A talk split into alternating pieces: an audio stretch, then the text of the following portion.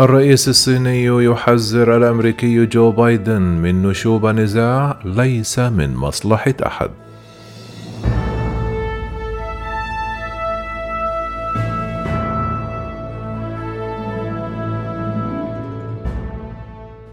قال الرئيس الصيني شي جين بيونغ الجمعة لنظيره الأمريكي جو بايدن خلال المكالمة التي جرت بينهما أن نشوب نزاع ليس من مصلحة أحد وفق ما أفاد به التلفزيون الصيني.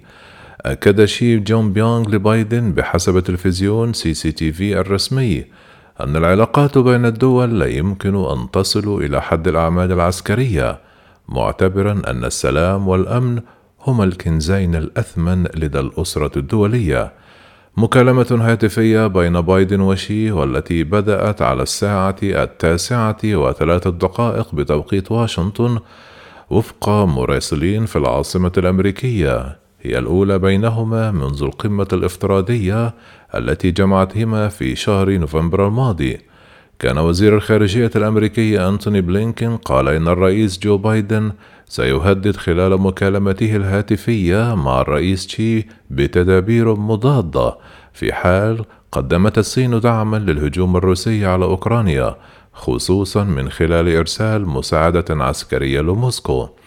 قال وزير الخارجية الأمريكي الخميس أمام الصحافة نحن قلقون حيال واقع أنهم يفكرون في مساعدة روسيا مباشرة بمعدات عسكرية ستستخدم في أوكرانيا.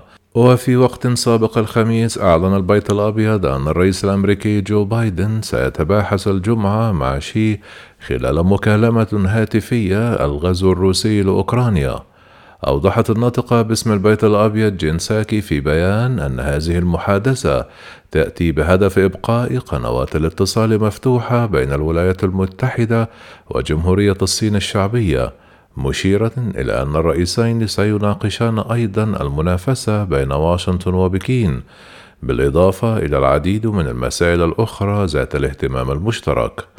نهاية الأسبوع الماضي كشفت الولايات المتحدة عن معلومات استخباراتية أجبرت واشنطن على مطالبة بكين أن تختار جانبا خلال الحرب الجارية على أوكرانيا.